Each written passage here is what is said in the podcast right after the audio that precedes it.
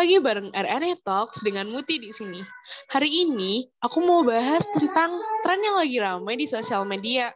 Kalian pasti sering sih dengar kata ini, toxic productivity. Nah, sebelum kita ngomongin sampai situ, di sini aku nggak sendirian aja, tetapi juga ditemani sama cewek-cewek cakep. Untuk kakak-kakaknya, boleh dong untuk memperkenalkan diri. Bisa dong disebutin dari prodi dan kesibukannya.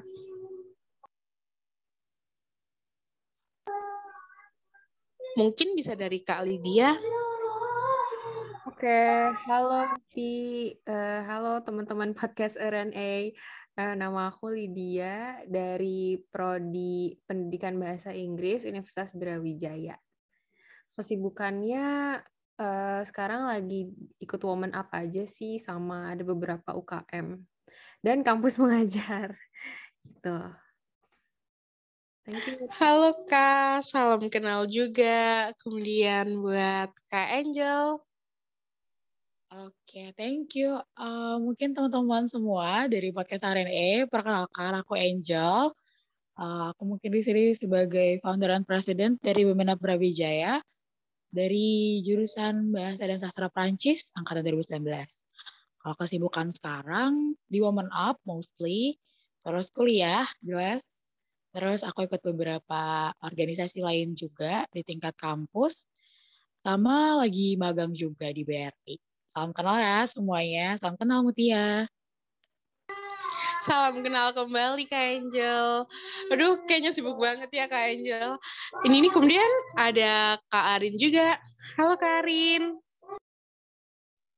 Halo semuanya, salam kenal. Uh, Uh, perkenalkan aku Arin, aku dari program studi Bahasa dan Sastra Prancis. Untuk saat ini aku fokus ke kuliah dan Women Up sama aku juga ikut beberapa organisasi di luar dan di dalam kampus. Salam kenal juga Kak Arin. Uh, dan yang terakhir nih ada Kak Azrima. Halo Kak Azrima. Halo Muti, uh, halo juga teman-teman podcast RNE. Aku mau perkenalan diri aku ya, nama aku Azrima, aku dari Prodi Sastra Prancis, Angkatan 2019. Untuk kesibukannya, aku tentunya sibuk di Women Up dan organisasi fakultas, uh, organisasi dalam uh, Prodi dan juga di UKM fakultas sih. Itu aja. Makasih Muti. Sama-sama. Halo Kak Zima, salam kenal juga. Aduh, ternyata kakak-kakaknya di sini sibuk banget ya. Oh ya, langsung balik nih ke topik. Um, menurut kakak-kakaknya nih, toxic productivity itu apa sih? Bisa dijelasin dari Kak Angel dulu mungkin? Oke, mungkin kalau dari aku ya, eh, toxic productivity itu kayaknya emang cukup mengakar di terutama di masyarakat kita gitu kali ya. Kayak banyak banget kalau aku ngelihat, oh iya nih gue udah nggak tidur berapa lama gitu kan, atau kayak ngopi sebanyak-banyaknya karena somehow mungkin ya di Asian culture emang working hard itu tuh seakan-akan diglorifikasi gitu. Jadi kita harus kerja terus, kerja terus, kerja terus gitu. Sementara produktif itu sendiri kan adalah ketika kita bisa menyusun yang mana yang jadi kesibukan kita, either uh, kerja, kuliah, gitu ya, studi kita, sama social life kita, gitu. Dan mungkin juga ada faktor dari peer pressure juga, tekanan dari sekitar gitu ya. Karena misalnya, oh iya nih teman gue udah bisa reach di posisi ini, atau magang di sana sini dalam umur segini misalnya tapi kok gue kayak nggak ke mana-mana ya gitu. Jadi ada sebenarnya tekanan itu juga nggak ada gitu kalau menurut aku. Jadi mungkin lebih ke situ juga sama um, apa ya kalau sering lihat ya uh, kayak ada beberapa motivational speaker juga gitu yang ikut mendukung gitu. Jadi ibaratnya udah ada kompornya dikasih gas dicetek pula dikasih korek. Jadi makin gede nih apinya ibaratnya ada banyak juga uh, apa namanya pengusaha-pengusaha yang glorifying uh, iya I work when everyone sleep gitu kan jadi kayak ya didukung gitu loh seakan-akan jadi ya harusnya kita produktif malah jadi toxic karena ya dari mindset kita juga udah nggak sehat gitu ketika kita mau mengerjakan sesuatu atau mau pelajari sesuatu. Gitu sih mungkin dari aku. Iya sih aku setuju juga sama kayak Angel karena memang uh, toxic productivity ini juga didukung dari berdasarkan pengalaman yang ada di sekitar kita, pengalaman pengalaman yang mana tuh pengalaman di sini tuh paling deket tuh ya lingkungan ya lingkungan kita ini emang mendukung banget kalau toxic productivity itu sebagai kebiasaan gitu tapi aku jadi kepo nih kalau dari Kak Zrima sendiri toxic productivity itu seperti apa ya? Um, kalau menurut aku sendiri sebenarnya nggak jauh beda kalian sama Angel tapi paling kalau menurut aku toxic productivity itu kayak bahasa lain yang lebih luasnya dari overworking. Jadi apa ya? Kayak kita ngerasa apa yang kita lakuin sekarang tuh nggak cukup gitu. Kayak belum bisa bikin kita puas kayak gue harus ngelakuin ini lagi nih. Gue harus kerja A, kerja B, kerja C kayak gitu. Jadi kayak dan nggak ngesampingin istirahat gitu loh. Karena kalau ngerasa kalau gue ngelakuin banyak hal itu ya gue akan lebih baik gitu, merasa lebih baik. Padahal sebenarnya kan kita capek ya, tapi malah nurutin kemauan kita untuk kerja gitu yang mana nggak baik, jadinya nggak ada istirahatnya kayak gitu. Itu kalau menurut aku sih. Iya sih, kalau udah kayak gitu berarti udah gak bisa ya yang namanya ngatur jadwal gitu. Kalau udah gak bisa ngatur jadwal ya ya pasti semuanya bakal berantakan. Itu itu juga pasti udah termasuk dampak dari toxic productivity itu sendiri. Lalu kalau dari semua jawaban kakaknya nih, aku kayak kepikiran kalau misalkan lingkungan tuh nggak nggak hanya dari satu aja sih yang mendukung untuk adanya taksi productivity ini, tapi juga dari sosial media itu sendiri. Di sini kan pasti semuanya menggunakan sosial media kan. Nah, penyebaran sosial media ini kan pasti banyak banget nih yang gunain udah dari anak kecil bahkan sampai orang dewasa juga udah gunain dan pasti mudah banget diakses. Nah dengan um, penggunaan sosial media ini pasti adalah yang namanya mereka pamer sama achievement yang udah mereka raih. Nah, kalau menurut kali dia sendiri, apakah sosial media juga termasuk salah satu pengaruh dari adanya toxic productivity? Uh, kalau menurut aku itu udah pasti sih karena sosial media sekarang uh, apa ya udah bikin batasan antar negara istilahnya gitu ya. Itu udah jadi nggak ada gitu. Jadi semuanya bisa dicari di internet. Semua orang bisa ngepost apa pun tentang apa pun.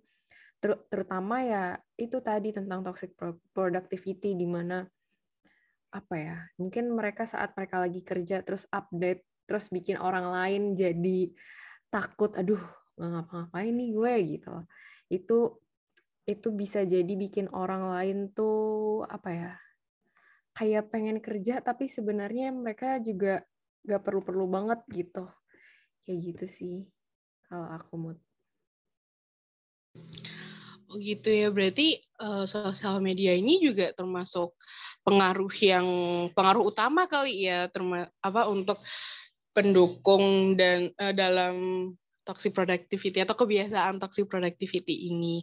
Nah untuk Karin, kalau Karin sendiri bagaimana? Um, menurut Karin nih salah satu atau bisa dibilang juga deh pengaruh utama terhadap kebiasaan toxic productivity itu apa ya kak? Oke mungkin kalau buat aku sendiri, uh, aku setuju banget sih sama yang lain. Tapi mungkin aku lebih setuju sama Lydia ya dan tidak. Kalau misalkan toxic productivity itu bisa dimulai dari sosial media, di mana kita bisa ngelihat kayak teman-teman kita tuh banyak banget. Sedangkan kok kayaknya kita masih di sini-sini aja. Terus dari situ mulai ada obsesi untuk mengembangkan diri sendiri.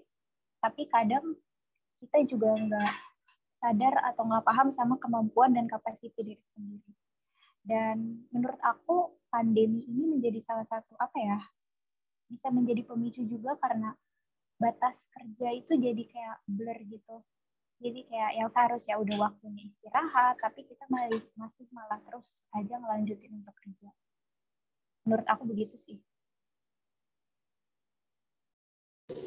Aku setuju banget sih. Aku aku juga ngerasain sih kak dalam dua tahun terakhir ini ya banyak banget sih yang berlomba-lomba untuk cari kegiatan mulai dari mereka gabung volunteer atau mereka gabung-gabung webinar yang mana tuh sampai dua device, tiga device bahkan bisa lebih gitu karena mungkin mereka tercukupi dengan keuangan ya. Jadi kayak tiga atau empat device itu jadi, jadi tidak masalah gitu. Yang penting mereka sedang uh, ini aku lagi lagi ngelakuin sesuatu ini aku lagi um, meningkatkan diri aku mengembangkan diri dengan mengikuti webinar atau sedang mengikuti kelas-kelas yang uh, mereka daftar gitu. Tapi aku pribadi sendiri ya kak menurut aku kalau toxic productivity itu lebih karena ada sisi di mana dia nggak mau dikalahkan sih. Mungkin lingkungan memang uh, sangat mendukung untuk membentuk karakter dia. Yang mana dia tuh kayak aku nggak mau kalah sama si ini aku tuh nggak mau kalah sama si A aku nggak mau kalah sama si B gitu. Aku juga bisa kayak mereka. Dan aku juga setuju sih kalau misalkan tidak memperhatikan kapabilitas yang ia miliki begitu. Lalu kalau um, dari toxic productivity ini pasti menimbulkan pressure bagi diri mereka. Kalau aku sendiri sih, menurut aku pressure dari toxic productivity itu jadinya malah stres dan uh, tiap aktivitas yang akan dilakukan tuh kayak menjadikan beban gitu, bukan aktivitas yang memang dilakukan sehari-hari. Kalau menurut Kak Arin sendiri nih gimana ya? Kalau misalkan kita ketika melakukan aktivitas nih, ini tuh udah menjadi beban gitu. Gimana kakak menanggapi hal tersebut? Gimana cara kakak kayak ini tuh seharusnya nggak boleh jadi beban atau mungkin kakak ada pendapat lain biar kita tidak menganggap kalau ketika kita melakukan sesuatu yang kita inginkan dengan tujuan yang sudah kita plan di awal itu gimana sih caranya? Oke, mungkin menurut aku uh, kita harus apa ya? Kita harus pertama tentu aja bawa enjoy ya. Dan kalau misalkan emang udah situasi udah sulit dan kayaknya lelah banget semua pekerjaan tuh kita tuh harus ingat kalau semua tuh pada akhirnya selalu ada manfaatnya gitu. Jadi kayak nggak semua mungkin ada jeleknya cuman pasti semua tuh kayak ngasih pelajaran pada akhirnya. Gitu sih Oh gitu ya, kalau berarti setiap apa pun yang kita lakukan pasti ada hikmah di baliknya begitu. Lalu kalau misalkan um, dari kali dia sendiri nih, gimana sih kak kalau cara nanggepin kita untuk kita itu tidak ada rasa iri atau ada rasa dengki di sama orang lain? Kayak misal nih kayak uh, yang kemarin terakhir itu Kamaudia Yunda. Dia ada di uh, habis lulus kan dia dari Universitas Stanford kalau nggak salah ya habis lulus itu ya.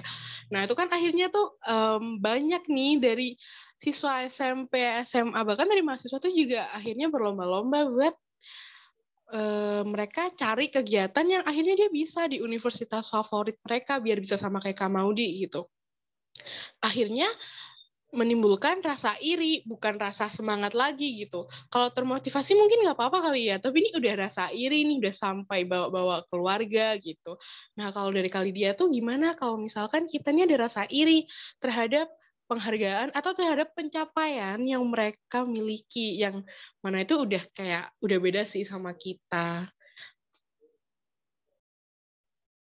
Oke, Uh, sebenarnya kalau misalnya udah masuknya ke iri gitu ya, bukan termotivasi, itu berarti udah penyakit hati sih mood. Itu kalau iri tuh emang dari dalam dirinya yang berarti dia punya niat nggak baik gitu. Kalau aku sendiri, kalau aku sendiri sebenarnya uh, apa ya? Aku nggak nggak iri sih. Aduh pengen bilang nggak pernah iri, tapi kayak takutnya gimana banget gitu. Tapi kalau aku sendiri, aku selalu netapin kalau misalnya semua orang itu beda-beda, semua orang itu punya uh, kelebihannya masing-masing, semua orang punya rezekinya masing-masing gitu. Jadi jadi ya udah go aja gitu, jangan iri. Kita kita ngejalanin hidup kita masing-masing gitu, mood. Iya sih bener-bener kayak setiap orang itu sudah ada jalan rezekinya atau ada kata tuh ke Roma itu nggak cuma satu jalan, tapi banyak jalan gitu ya kan. aduh kayak bener sih jadi itu kita harus refleksi diri tiap hari kali ya untuk um, mengetahui apa sebenarnya pencapaian kita yang kita inginkan dengan planning yang benar. Nah, dari sini kalau misalkan dari Kak Azrima ini bagaimana? Kalau misalkan uh, kalau udah ini tuh kan udah penyakit hati tuh ya kak. Lalu kalau misalkan kita nih, emang kita sebenarnya nggak ada penyakit hati, cuman kita nih mager aja sih gitu. Kayak mager karena um, sebenarnya kita tahu kalau misalkan produktif itu penting, tapi kita di sisi lain tuh mager gitu buat ngelakuin sesuatu. Tapi kita terus-terusan overthinking. Kenapa sih orang-orang selalu produktif gitu? Kayak kenapa sih um, mereka tuh bisa ngelakuin apa pun gitu. Nah, kalau misalkan overthinking ini apa juga termasuk salah satu um, penyokong, aduh kok penyokong ya, apa ya, kalau apakah salah satu pendorong nih terjadinya toxic productivity? Oke, um, mungkin uh, overthinking itu ya bisa jadi penyokong kita buat jadi ngelakuin hal yang berujung pada toxic productivity gitu. Dan mungkin menurut aku ini ada hubungannya sama yang masalah achievement tadi ya. Jadi memang menurut aku kita tuh harus reminder diri kita sendiri kalau timeline kita sama timeline orang lain tuh beda. Jadi bisa aja mereka udah di ujung kita masih di tengah-tengah dan itu tuh wajar gitu. Karena emang tiap manusia ya emang beda jalannya. Dan kita nggak perlu ngerasa terburu-buru kayak aduh gue harus ngikutin kayak gitu gitu. Gue harus ada di titik yang sama kayak mereka. Aku kita umurnya sama tapi dia udah di situ sih gue masih di sini dan masih gini-gini aja. Menurut aku uh, apa ya ngerasa kalau kita tuh udah harus punya A, B, C dan punya timeline yang sama sama orang-orang yang pada umumnya gitu itu yang bakal lead kita untuk overthinking kayak waduh gue harus gimana nih? Kayak gitu sih. Dan kalau misalnya mager ya menurut aku mager itu juga manusiawi loh. Kayak procrastinate gitu. Itu kan kayak bagian dari diri kita gitu ya. Ya se produktif produktifnya kita kalau lagi mager ya pasti di waktunya mager sih. Ini apa ya hmm, menurut aku kalau mager itu wajar jadi nggak apa-apa gitu. Dan mungkin harus di reminder lagi juga masalah timeline orang sama timeline kita tuh beda. Jadi ya menurut aku santai aja sih gitu. Jadi dijalanin aja sebisa kita gitu. Yang penting kan kitanya maksimal ya melakukan apa yang kita bisa. Jadi nggak perlu khawatir kita harus jadi A B C kayak gitu sih menurut aku. Oh iya sih ya kak, makasih, makasih. Iya sih bener-bener kalau misalkan tiap orang tuh ada tamannya masing-masing atau kita geraknya itu masing-masing gimana bener-bener. Tapi kan udah oke, okay. kemudian kita dari uh, mager nih. Kalau udah mager berarti tergantung dari bagaimana cara kita memotivasi diri sendiri nih. Nah, tapi ketika kita sudah termotivasi nih, kita tuh termotivasi untuk berproduktivitas karena oh iya aku nggak boleh males-malesan. Pasti ada kan di masa kayak gitu. Akhirnya kita menyusun rencana dan planning. Kalau aku sendiri aku juga gitu sih kak menyusun planning gitu. Walaupun nanti di tengah-tengah akhirnya berhenti. Tapi ya ya udah nggak apa-apa lah ya. Kan kayak tiap orang juga kadang-kadang malesnya nih fase-fase males. Untuk um, untuk menghindari fase males itu juga dengan bagaimana kembali lagi refleksi diri kan kayak uh, kita sebenarnya itu maunya apa gitu menurut aku sih itu uh, salah satu motivasi yang mendukung untuk kita berproduktivitas kembali menurut aku sih gitu. Tetapi nih kalau misalkan kalau aku udah berproduktivitas nih terlalu udah kayak over. Aku udah yang mikir kalau misalkan aku tujuan akan sehari nih dari jam 4 pagi aku udah ngerjain aku udah sholat subuh udah bersih bersih atau aku udah ngerjain tugas-tugas. Sampai aku kerja tuh sampai jam tiga pagi kembali jadi jam tiga ini aku tidur. Otomatis dampak di aku ini kan aku juga bakal kecapean atau mungkin aku juga dampaknya mungkin aku bisa sampai nggak ada waktu nih buat teman-teman atau buat waktu diri aku sendiri. Dan ternyata ketika aku pernah ada di masa kayak gini, dan ketika aku baca di Twitter, aku baca di TikTok, atau baca di Quora, itu banyak banget ternyata mereka yang lakuin hal ini gitu. Kalau dari Kak Angel sendiri gimana ya? Kalau misalkan udah di tahap kita ini udah udah semangat banget nih buat produktivitas. Tapi dampaknya dari kita terlalu semangat ini otomatis udah menjadi toksik kan. Kalau kayak Angel sendiri gimana? uh, menanggapi untuk dampak-dampaknya dari kita yang terlalu bersemangat untuk berproduktivitas? Oke, okay. uh, thank you untuk pertanyaannya. Kalau menurut aku, sebenarnya mungkin ini ngaruh juga ke dari bagian motivasi tadi ya. Kalau menurut aku, karena kita lagi happy banget, lagi banyak banget nih energinya dan semangatnya untuk jadi produktif, kita juga bisa nih secara rasional pikirin kira-kira hal-hal ini tuh adalah hal-hal yang gue suka atau enggak sih gitu. Dari situ dulu. Jadi kita suka Terus bisa nggak ngerjainnya? Terus mampu nggak kira-kira ngerjainnya? Gitu. Jadi ada tiga step menurut aku. Dari mau, bisa, mampu. Gitu. Karena kayak ah ngerasanya bisa nih. Mampu juga dalam konteks misalnya nih let's say kepanitiaan kurang lebih tiga bulan pelaksanaannya kalau organisasi satu periode kan kurang lebih satu tahun mampu nggak kira-kira gue komit sama hal ini setahun gitu jadi kalau misalnya emang itu hal yang kita suka, kita juga bisa ngerjain ya. Terus kita mampu untuk komit selama jangka waktu itu ya. Menurut aku um, beda rasanya. Ibaratnya nih kita dikoyak-koyak atau kayak uh, ditekan sama hal-hal yang kita enjoy sama enggak. Kalau kita nggak enjoy, sekecil apa pun uh, inconvenience-nya ya, seminor apa pun itu, rasanya kayak jadi langsung males. Sementara kalau kita suka, mau apa pun badai topan menerjang juga pasti mau kita lewatin kan gitu. Jadi untuk meminimalisir itu at the first place, kita bisa balik lagi ke tiga step tadi yang sempat aku bilang gitu. Jadinya um, kita juga bisa tahu nih ketika kita kan sebagai manusia juga banyak interestnya ya apalagi mungkin banyak juga dari segi isu, terus mungkin inisiatif-inisiatif baru yang sounds interesting and catching our eyes. Jadinya um, pengen coba, pengen coba gitu. Tapi tadi uh, bisa balik ke tiga step itu tadi enggak? Dan misalnya kita uh, setarakan dengan pilihan pertama, kira-kira mungkin nggak ya kalau kita jalankan itu secara berbarengan? Kalau misalnya mungkin, dan kita juga uh, secara fisik dan mental mampu, go ahead, nggak apa-apa gitu. Karena memang menjadi uh, sibuk, ya sibuk as in banyak kegiatan, itu nggak untuk semua orang gitu. Ada orang yang mungkin dia bisa satu kepanitiaan dan itu cukup untuk dia, itu adalah produktif. Ada orang yang mungkin bisa ikut dua organisasi dan itu cukup buat dia, itu juga produktif. Balik lagi ke orangnya.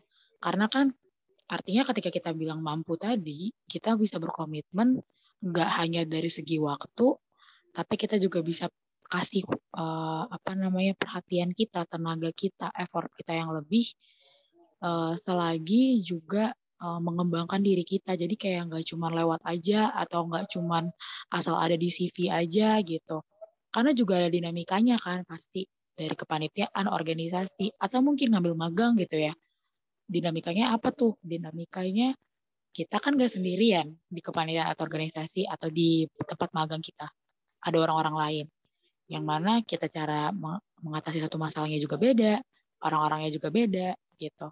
Jadi emang sebenarnya sebelum kita memutuskan untuk daftar atau uh, memutuskan untuk ikut uh, sesuatu gitu ya, harus dipikirin dulu nih matang-matang.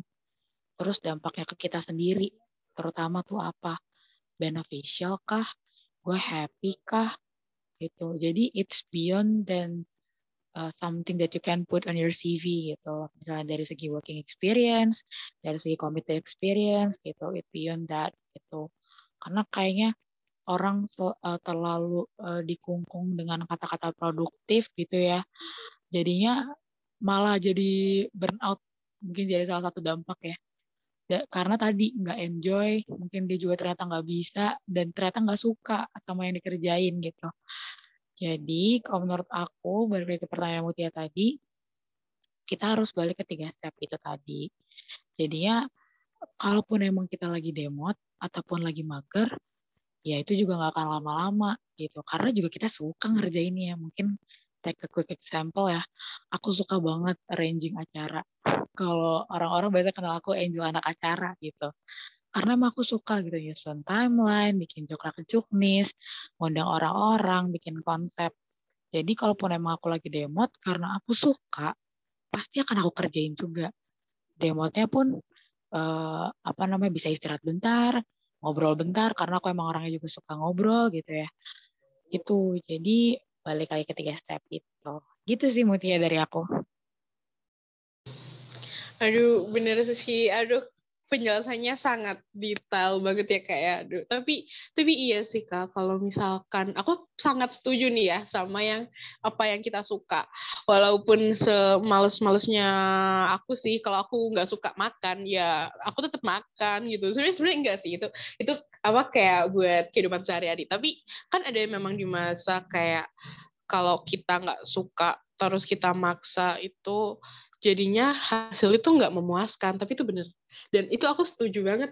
Ataupun kayak aku aku pernah terhambat nih dalam menulis esai. Tapi aku suka nulis esai. Jadi walaupun terhambat pun aku tetap ngerjain. Dan itu aku setuju sih kalau misalkan mau hambatannya kayak gimana iya tetap bakal dikerjain. Dan ada aja gitu solusinya yang yang sebenarnya kita nggak bakal kepikiran sih bakal ada solusi itu.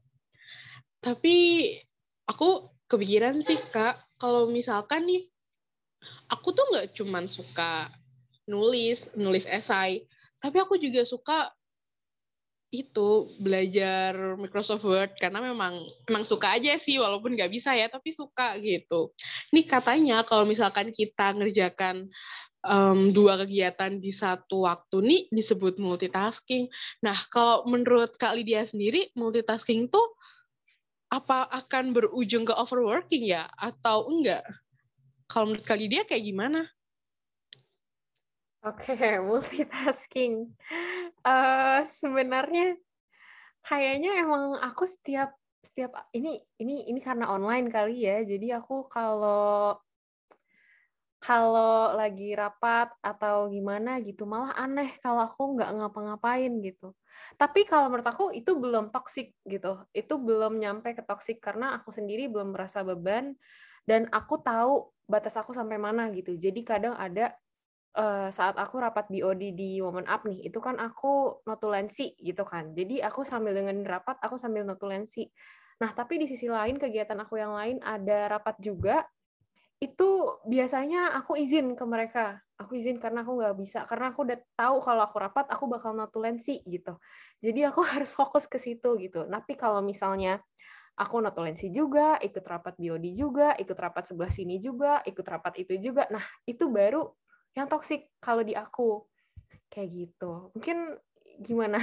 Kira-kira menjawab gak mungkin uh. menjawab dikit sih kak.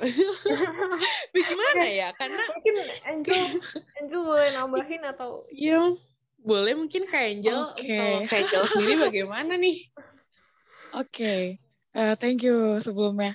Kalau dari aku sendiri sebenarnya multitasking tuh bukan kalau aku pernah baca di kalau nggak salah multitasking tuh ternyata nggak bagus buat otak. Tapi ternyata aku juga ngelakuin multitasking sama kayak Lydia gitu. Iya bener bener bener. Aku juga Kayak, pernah iya dengar ya kan? kalau nggak boleh tuh nggak bagus. Betul betul. Jadi uh, harusnya kita normalnya manusia itu ngerjain satu hal tuh one by one gitu. Nggak bisa uh, many things at time at a time gitu kan. Jadi kalau aku sendiri emang ngelakuin itu dan maybe that's what works for me gitu. Jadi mungkin uh, mungkin teman-teman juga di sini yang ngedengerin kali ya bisa tahu juga kalau satu saran itu mungkin bukan saran yang cocok buat kita gitu. Makanya mungkin hari ini juga uh, Mutia ngajak BOI jadi ada beberapa orang supaya tahu cara kita sendiri tuh dealing with hal-hal yang kita punya itu kayak apa sih biar beda-beda gitu kan sarannya. Karena mungkin kayak tadi aku sama Lydia mungkin multitasking. Mungkin Azrim sama Arin enggak gitu. Jadi bisa dapat banyak saran karena ya kalau kayak aku sama Lydia gitu sih kurang lebih. Malah mungkin agak aneh ya. Cuman kadang kalau lagi rapat aku suka kayak tiba-tiba ngambil gitar sambil nyatet sambil dengerin terus sambil makan atau gimana. Uh, many things at a time. Tapi aku tetap bisa catch up sama rapatnya. Gitu makanya kayak kadang orang juga bingung jauh ini lo ngapain sebenarnya? Gitu kan karena kayak masih catch up gitu. Jadi emang ya mungkin sarannya juga beda-beda cuman balik ke tadi nggak harus multitasking. Kalau memang lebih nyaman satu-satu artinya balik ke manajemen waktu ya kan yang bisa lebih diatur gitu. Jadinya juga uh, apa namanya kita lebih tahu nih diri kita sendiri tuh cocok dengan tipe kerja yang seperti apa sih gitu. Dan kira-kira sarannya siapa sih yang lebih cocok gitu. Dan ini bukan jadi kayak kompetisi atau something gitu ya tapi uh, lebih ke oh iya mungkin kayak gini kali ya mungkin kayak gini kali ya jadi punya banyak perspektif sih. Itu sih dari aku mood iya iya kak oke. Okay. aku juga sih dari kecil aku juga biasanya ngelakuinnya dua hal yang sama gitu. Kayak misal uh, contoh kecilnya nih lagi masak kangkung kan, terus ada piring kotor, otomatis kita cuci cuci piring kotornya kan. Nah, terus nanti kita masak kangkung lagi. Oh iya, tapi di situ ternyata ada gelas yang masih belum diisi sama air putih gitu buat mama atau ayah gitu kan. Biasanya biasanya butuh tuh air putih di ditaruh di dalam gelas gitu. Terus akhirnya ngelakuin hal itu juga. Tapi aku juga pernah dengar kalau di kontennya konten YouTube-nya Kak Gita Safitri Devi kayaknya. Dia juga bahas tentang konsep multitasking itu sebenarnya multitasking itu baik atau enggak gitu. Karena memang kayak multitasking itu udah sebagai uh, salah satu kegiatan kita di kehidupan sehari-hari. Nah, kalau misal Kak Azarin nih, eh, Kak Arin, kalau Karin sendiri gimana multitasking udah menjadi kebiasaan atau termasuk yang kontra mungkin kalau multitasking tuh nggak boleh dilakuin?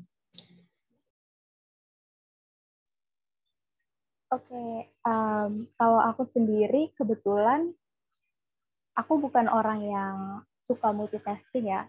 Tapi menurut aku multitasking itu nggak belum masuk ke toxic productivity.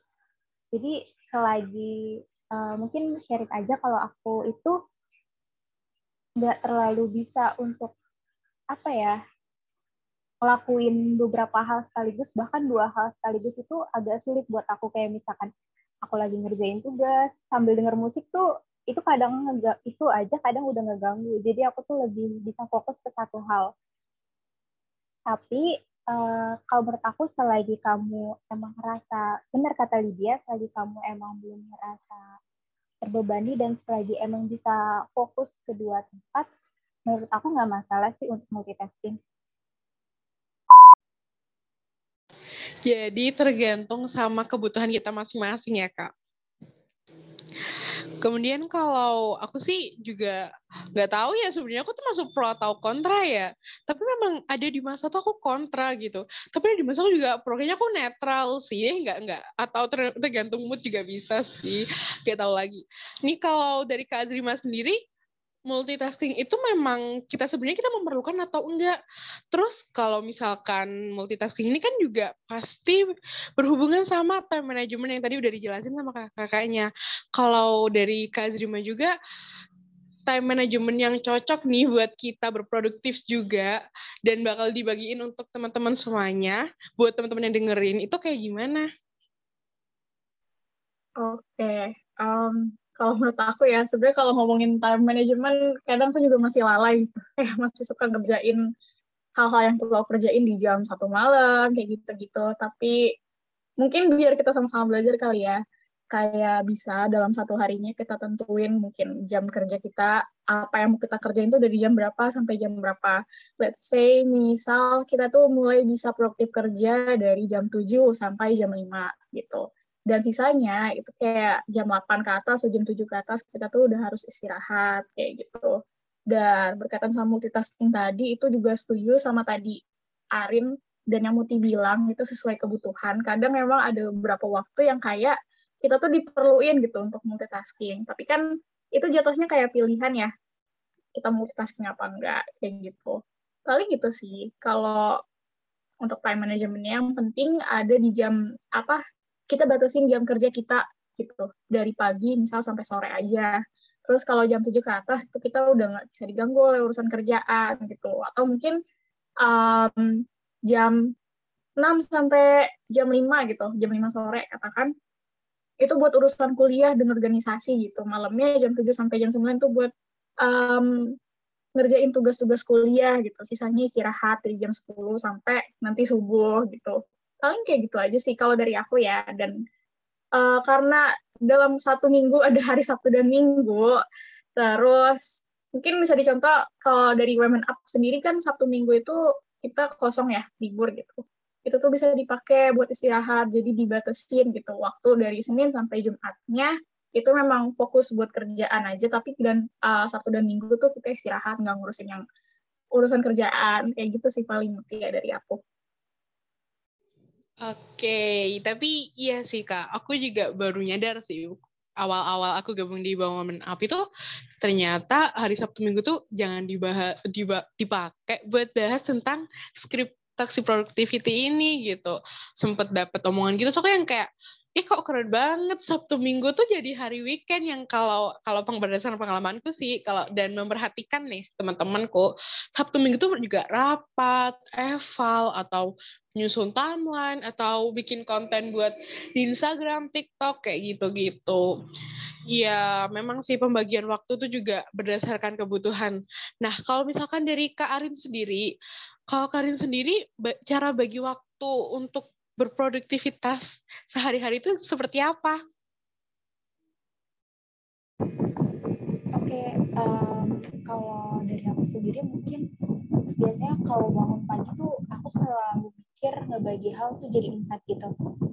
Jadi uh, eh empat atau tiga ya? Coba aku jabarin dulu ya. Apa yang bisa aku kerjain sekarang, apa yang bisa aku kerjain hari ini, apa yang bisa aku kerjain besok, sama apa yang masih bisa aku tunda untuk apa yang masih aku bisa tunda untuk beberapa hari ke depan. Nah, jadi aku prioritasin dua dulu sama apa yang harus aku kerjain hari ini dan apa yang harus aku kerjain sekarang. Sekarangnya itu uh, bukan berarti pagi-pagi aku mikir baru bangun tidur, aku udah mikir kayak gitu ya, tapi bukan berarti kayak pagi banget harus aku kerjain, tapi langsung aku tentuin gitu aku mau kerjain tugas tersebut tuh jam berapa. Dan menurut aku kalau misalkan udah aku tetapin bakal mulai jam 3 atau jam 4, nah harus aku tetap harus aku kerjain jam segitu. Atau biasanya biar aku nggak kebeban jam banget dan itu udah deadline, aku biasanya bilang kayak e, pokoknya harus kerjain pas sore. Jadi kan lebih luas ya waktunya sore, tapi yang penting aku kerjain hari itu sore gitu. Gitu aja sih kalau dari aku.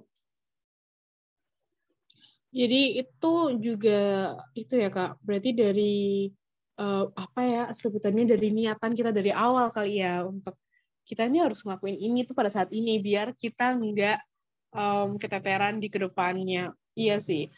Itu juga sempat berpengaruh di aku untuk beberapa mata kuliah, tapi tidak untuk semua. Oh iya, kalau dari kali dia sendiri gimana cara ngatur kakak untuk um, misal kakak ini ada banyak rapat seperti yang kakak tadi bilangkan gitu. Kakak juga notulensi kan. Nah, atau di sisi lain tuh ada tugas gitu.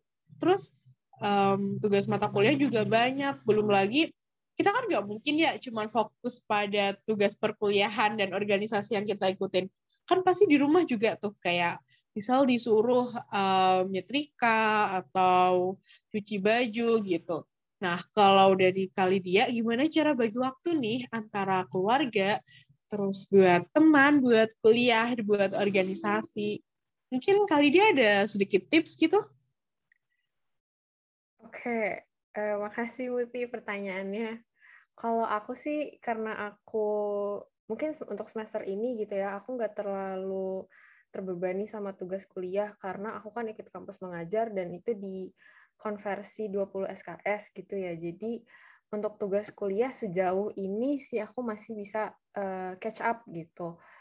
Terus kalau misalnya membagi waktu untuk diri sendiri dan keluarga itu aku selalu mulai uh, aktivitas itu sebenarnya mulai jam 8 sih. Mulai jam 8 itu aku udah uh, ngechat apa jawab-jawabin chat orang, terus sampai malamnya minimal eh maksimal itu jam 9 gitu. Nah, sisanya itu aku habisin sama adik aku kalau misalnya ada adik dan uh, orang tua gitu. Orang tua aku sih alhamdulillah sekarang udah udah ngerti gitu kalau misalnya anaknya ini uh, ada punya kesibukan lain gitu jadi nggak terlalu uh, gimana ya nggak terlalu marah-marahin aku atau gimana gitu kalau aku nggak bantu tapi beda lagi gitu setiap orang kan juga beda-beda ya gimana mereka di rumahnya gitu kalau aku sih begitu mood jadi udah terjawab gitu ya kak Iya. Udah ada batasan. Iya, paling ini sih sebenarnya kalau kalau misalnya tiba-tiba ada kerjaan yang mendadak gitu ya. Biasanya tuh kalau dari kampus mengajar atau tiba-tiba nih ada ada aja gitu yang mendadak. Itu lagi-lagi sih harus ikhlas gitu. Harus ikhlas, harus harus begadang kayak gitu. Tapi sejauh ini aku nggak aku nggak pernah begadang yang bener-bener begadang sih yang kayak gitu. Paling satu kali waktu itu. Ya dua satu kali banget ya kak ternyata. Keren sih aku kok kok sering ya kayaknya ini yang salah nih sama planningku nih atau time managementku ini. Makasih makasih buat sarannya. Oh iya untuk kak Angel. Kalau kak Angel sendiri gimana? Kita nih ketika um, kita kan udah tuh udah ada planning. Tapi kesehatan mental itu kan yang paling terpenting tuh dari bagaimana cara kita berproduktivitas sehari-hari dan bagaimana cara kita mengatur um, social life gitu kan atau waktu untuk diri sendiri nih kan kesehatan kesehatan mental ini juga yang berpengaruh kan dalam uh, kita berproduktivitas. Nah kalau dari Kak Angel sendiri mungkin ada tips gitu untuk menjaga um, bagaimana atau perasaan kita nih gitu atau apa ya um, mental kita tetap terjaga walaupun kita bertemu dengan banyak orang gitu walaupun kita melakukan aktivitas yang padat walaupun udah terplanning ya walau udah ada time manajemennya nih tapi kan kita pasti ada tuh kan gimana kayak kita capek gitu kita tuh kayak rasanya mau nangis gitu nah itu gimana cara kita kendaliin emosi kita di tengah-tengah kepadatan ya ketika kita sedang berproduktivitas Oke, thank you Mot. Uh, by the way, kalau misalnya emang agak berisik, aku sorry banget karena kebetulan lagi WFO juga hari ini. Um, kalau dari aku sendiri, aku tuh tipe yang suka banget ngobrol kayak tadi aku sempat bilang. Jadi malah mungkin agak beda dari orang-orang, aku seneng banget ngobrol. Jadinya itu part of aku taking care of myself sih, ngobrol gitu uh, bertukar pikiran. Bahkan mungkin yang kita obrolin itu bukan masalah yang lagi aku hadapin. Cuman emang suka aja gitu. Jadi menurut aku untuk tahu metode dan cara yang tepat itu nggak bisa dari buku, nggak bisa dari apa namanya orang-orang kita dengar dari YouTube, dari podcast gitu ya. Tapi emang proses.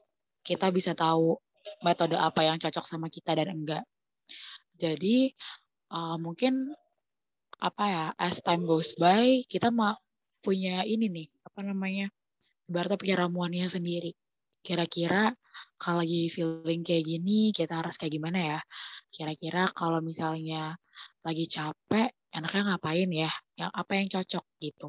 Kayak mungkin misalnya nih aku nyaranin untuk coba di ngobrol sama orang kalau lagi capek lagi demot. Untuk orang-orang lain mungkin gak cocok ngobrol. Mungkin yang cocok tuh diam. Terus kita reflecting hari ini apa yang terjadi. Terus kira-kira hal apa yang bangkitin mood gitu uh, meanwhile kalau aku kayak siapa yang bisa gue telepon sekarang? Siapa yang bisa gue ajak ngobrol gitu. Dan uh, aku sendiri sih karena emang kebetulan lo FO juga ketemu orang-orang juga jadi itu sama terbantu juga gitu. Jadi tetap motivated ngerjain apa pun kayak gitu sih. Mungkin mungkin itu dari aku karena nggak ada panduan pastinya kita harus seperti apa dan ngapain. Cuman mungkin tips dari aku ya uh, kalau emang lagi capek banget istirahat sih. Istirahat in any way that you want gitu. Mungkin istirahatnya emang diartikan sebagai tidur mungkin istirahatnya diartikan sebagai jalan-jalan sendiri atau sama teman-teman. Mungkin istirahatnya itu diartikan dengan ya udah kayak aku ngobrol gitu atau dengerin musik gitu. Jadi lebih ke istirahat dan uh, mungkin dari diri kita sendiri juga bisa nenangin diri kita gitu. Jadi kayak aku dan diriku adalah tim gitu loh. Jadi kayak misalnya lagi capek, uh, you've done great today gitu. Uh, terima kasih udah bisa menyelesaikan um, satu masalah ke masalah yang lainnya. Terus uh, we still have a long run to go. So let's just team up and do this together gitu. Karena emang kadang kalau menurut aku ya yang emang manjur dari diri kita sendiri sih tetap mau orang bilang apa, maksudnya kayak mereka support kita kayak apa, tapi kalau emang kita yang emang lagi feeling down, susah juga nggak sih? Itu yang definisi masuk kuping kanan keluar kuping kiri gitu rasanya. Jadi itu sih. Mungkin tips dari aku yang tadi aku dan diriku bisa team up jadi satu tim. Jadi kalau emang lagi capek ada diriku juga yang kayak ngepuk-puk gitu kayak thank you ya buat hari ini gitu. Jadi kita siap menghadapi problematika berikutnya gitu karena kan hidup gak bakal lepas dari masalah ya. Gitu sih Mut. Bener-bener hidup nggak bakal lepas dari masalah gitu ya. Iya sih berarti untuk penyesuaian dari kita masing-masing, entah mungkin dari kita multitasking, entah dari bagaimana cara kita um, untuk menjaga kesehatan mental kita, itu mulai dari bagaimana cara kita untuk mengenal diri sendiri kali ya. Mungkin kakak, uh, mungkin dari Kak Angel sendiri ada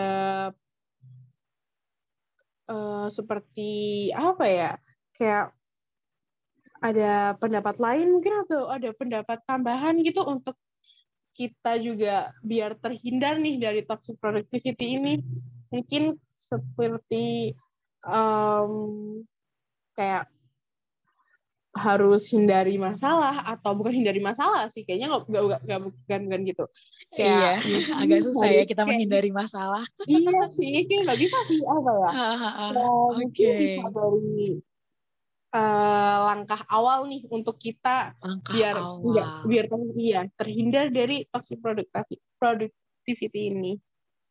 Oke, okay. kalau menurut aku uh, kita mungkin ya di umuran early 20s itu kan yang adult ya. Namanya apa namanya mencari passion kalau orang bilang sekarang. Kita lagi cari tahu nih apa yang kita suka.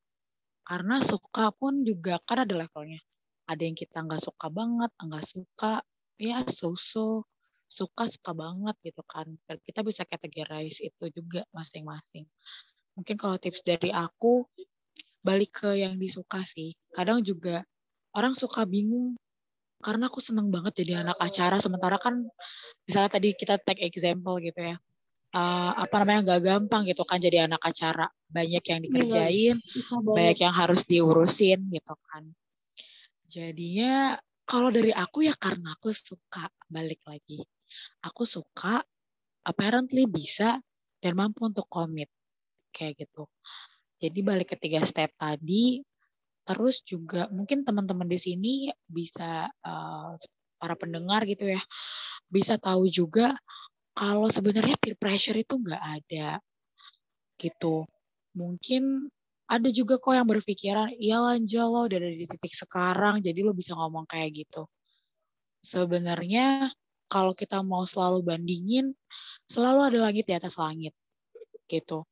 Jadi kayaknya um, dengan kita ngerjain apa yang kita suka, kitanya juga happy, punya support system, whatever you chose to be your support system, keluarga, teman, gitu kan, atau mungkin pacar gitu ya itu menurut aku juga udah cukup sih.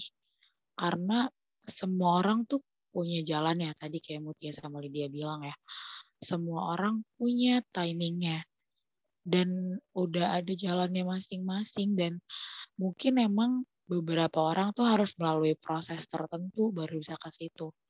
Kalau ngelihat mungkin orang-orang yang udah keren banget hari ini, mungkin mereka udah ngelewatin prosesnya, makanya bisa ada di titik itu sekarang. Dan mungkin kita sekarang lagi ada di prosesnya kita masing-masing. Jadi mungkin untuk nge-brush off si peer pressure itu juga kali ya. Sama kayak misalnya, uh, mungkin kayak di mulai angkatan aku gini ya, semester limaan gini, pengen lulus cepet nggak? Tiga setengah tahun atau empat tahun? Sebenarnya itu kan nggak masalah, mau kita lulus tiga setengah atau empat gitu ya lebih cepat atau tepat waktu tuh ya ada prosesnya. Mungkin memang kita targetin cepat, tapi ternyata satu dan lain hal terjadi di tengah jalan, bukan berarti kita gagal juga. Ibaratnya gini, teman kita berhasil, bukan berarti kita gagal. Oke, okay? kalau misalnya kita bisa sukses di tempat lain juga bukan berarti teman kita yang lain tuh kalah gitu. Itu sih karena kadang orang mikirnya uh, dalam battle-nya aja beda gitu ya. Tapi langsung menyetarakan battle itu seakan-akan dia menang, saya kalah and vice versa gitu kan. Padahal mungkin battle-nya juga beda orang bisa mencapai titik tertentu kan juga beda ya banyak faktornya mungkin lingkungan terdekatnya gitu. Jadi kalau untuk terhindar dari sekian kompleksnya hal yang ada mungkin dari aku itu kita bisa prioritas diri kita sendiri dulu. Terus kayak ketiga step yang aku bilang tadi kita mau bisa dan mampu untuk komit. Terus yang ketiga untuk apa ya encourage orang melakukan hal yang sama. Sama as in produktif karena produktif itu bukan ada standarnya kita punya ukuran produktif kita masing-masing gitu loh dan bukan berarti aku jadi uh, apa namanya melumrahkan uh, apa namanya toxic productivity ya tapi uh, kalau misalnya balik ke tadi kita dengan satu kepanitiaan bisa ngerasa cukup dan puas, ya udah apa-apa. Dengan dua organisasi ya nggak apa-apa. Mungkin ternyata emang kepanitiaan dan organisasi bukan hal yang cocok, cocoknya magang, dan go for it gitu kan. Yang penting mungkin kita bisa menggunakan waktu yang ada untuk mengeksplor diri kita juga gitu. Tahu diri kita yang lebih pasti sukanya apa, bisanya apa, mampunya apa gitu kan. Jadi nge-encourage orang untuk bisa produktif juga karena kadang suka ada orang yang nanya sama aku Jo kenal si A enggak gitu kenal keren ya dia. Iya keren gitu. Mungkin karena dia dengan achievementnya dia gitu ya. Tapi terus ketika Bading bilang pengen deh kayak dia yang keluar dari mulut aku mungkin seringnya um, kamu you're doing great for what you have now. Jadi nggak harus kayak dia gitu. Karena di sini kayak dia yang dimaksud adalah sesibuk itu. Ibaratnya yang nongkrong juga bawa laptop, gak mau nongkrong kalau nirfaedah gitu kan. Jadi uh, apa namanya yang ke step ketiga tadi sih yang juga penting. Karena kalau misalnya orang-orang menormalisasi kita dengan produktif yang sehat karena uh, apa namanya kalau misalnya udah bisa kayak gitu kayaknya udah terminimalisir banget ya orang-orang yang produktif. Karena juga nggak ada yang dikejar. Ibaratnya gini kita lagi ada di pertandingan lari tapi pertandingan larinya tuh beda-beda. Ada yang jarak pendek ada yang jarak jauh. Kalau misalnya yang jarak jauh pakai pakai metodenya juga beda kan. Terus mau disetarain yang jarak jauh sama jarak pendek ibaratnya mereka sama-sama atlet. Tapi laganya juga udah beda gitu kan. Levelnya beda. Itu sih kalau menurut aku mau untuk terhindar tiga step itu tadi. Berarti untuk um, diskusi kita kali ini tentang toxic productivity ini memang yang pertama dari tujuan kita sebenarnya mau ngapain ya. Berarti yang kedua kita juga harus mengenali diri kita sendiri. Kita tuh sebenarnya tuh cocok yang seperti apa. Kita tuh um, sebenarnya tuh apakah bisa melaksanakan kegiatan ini secara bersamaan atau mungkin juga diperhatikan juga dari bagaimana cara kita uh, time management diri kita masing-masing gitu. Bagaimana uh, cara kita mengatur, bagaimana cara kita memberikan waktu untuk kita istirahat gitu. Mungkin untuk dari pembahasan kita kali ini cukup sampai sini kali ya kak ya untuk kakaknya terima kasih udah bersedia ngasih waktu. Kemudian juga iya. makasih banget buat temen-temen yang udah mau dengerin sampai akhir. Semoga kita bisa ketemu di lain waktu waktu. have a nice day bye bye okay. kasih semuanya thank you banget thank you semuanya. semuanya stay safe and stay sane ya oke okay.